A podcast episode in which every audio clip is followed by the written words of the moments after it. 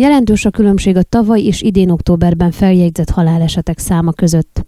Az elhalálozások számának a csökkenése gyakorlatilag már tavasz óta észlelhető, de a legszembetűnőbb különbséget az októberi adatok mutatják. Tavaly októberben az őszi Covid járvány hullám csúcsidőszakában 674-en vesztették életüket Hargita megyében. Ez az összes haláleset nem csak a koronavírussal összefüggésbe hozható elhalálozás, ehhez képest idén októberben 288 elhalálozásról készített feljegyzést a Hargita megyei személy nyilvántartó közszolgálat. A csökkenés közel 60 százalékos. Az intézmény által rendelkezésünkre bocsátott adatokból ugyanakkor az is kitűnik, hogy egy hónapot leszámítva már március óta kevesebb haláleset történt a megyében, mint tavaly, de azokban a hónapokban a csökkenés nem olyan jelentős, helyenként alig van különbség, mint októberben. Idén márciusban 372 halálesetet jegyeztek fel Hargita megyében, tavaly 415-öt, áprilisban 330-at, tavaly 438-at, májusban 334-et, tavaly 380-at, júniusban 277-et, tavaly 280-at, júliusban pedig 287-et, tavaly 256-ot. Tavasz óta augusztus volt az egyetlen hónap, amikor többen vesztették életüket Hargita megyében, mint múlt év azonos időszakában. Idén ugyanis 334 haláleset történt augusztusban, miközben tavaly 283.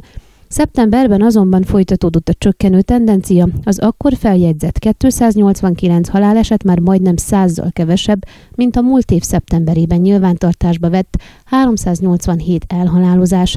Ezt követően jött az októberi drasztikus csökkenés, amikor 389-el kevesebben haltak meg Hargita megyében, mint tavaly októberben. Az idei 288 haláleset egyébként átlagosnak számít, a tavalyi volt kiugróan magas, ugyanis a járvány előtti utolsó év, azaz 2019. októberében is majdnem az ideihez hasonlóan alakult az elhalálozási statisztika, akkor 317 halálesetet jegyeztek fel a megyében. A tavaly októberi rendkívül magas elhalálozási szám mindenképpen összefüggésben áll a koronavírus járványjal, de amint akkor írtuk, a hivatalos adatok is csak részben igazolták a sok halálesetet, ugyanis az akkori jelentések szerint nagyjából 160 Covid haláleset történt tavaly októberben, az viszont a többlet halálozásnak csak a felét tette ki.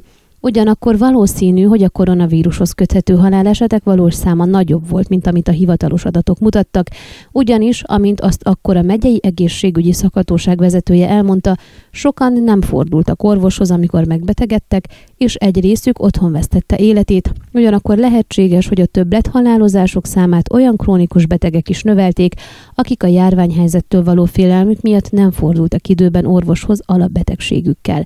A 2022-es Hargita megyei elhalálozási adatok egyébként már átlagosnak mondhatók, kevés eltéréssel teljesen hasonlóak a járvány előtti utolsó évben, azaz 2019-ben feljegyzett adatokhoz, az idén októberben feljegyzett elhalálozási adatok még a 2019 októberinél is jobbak, akkor 317-en haltak meg megyeszerte, idén októberben pedig 288-an.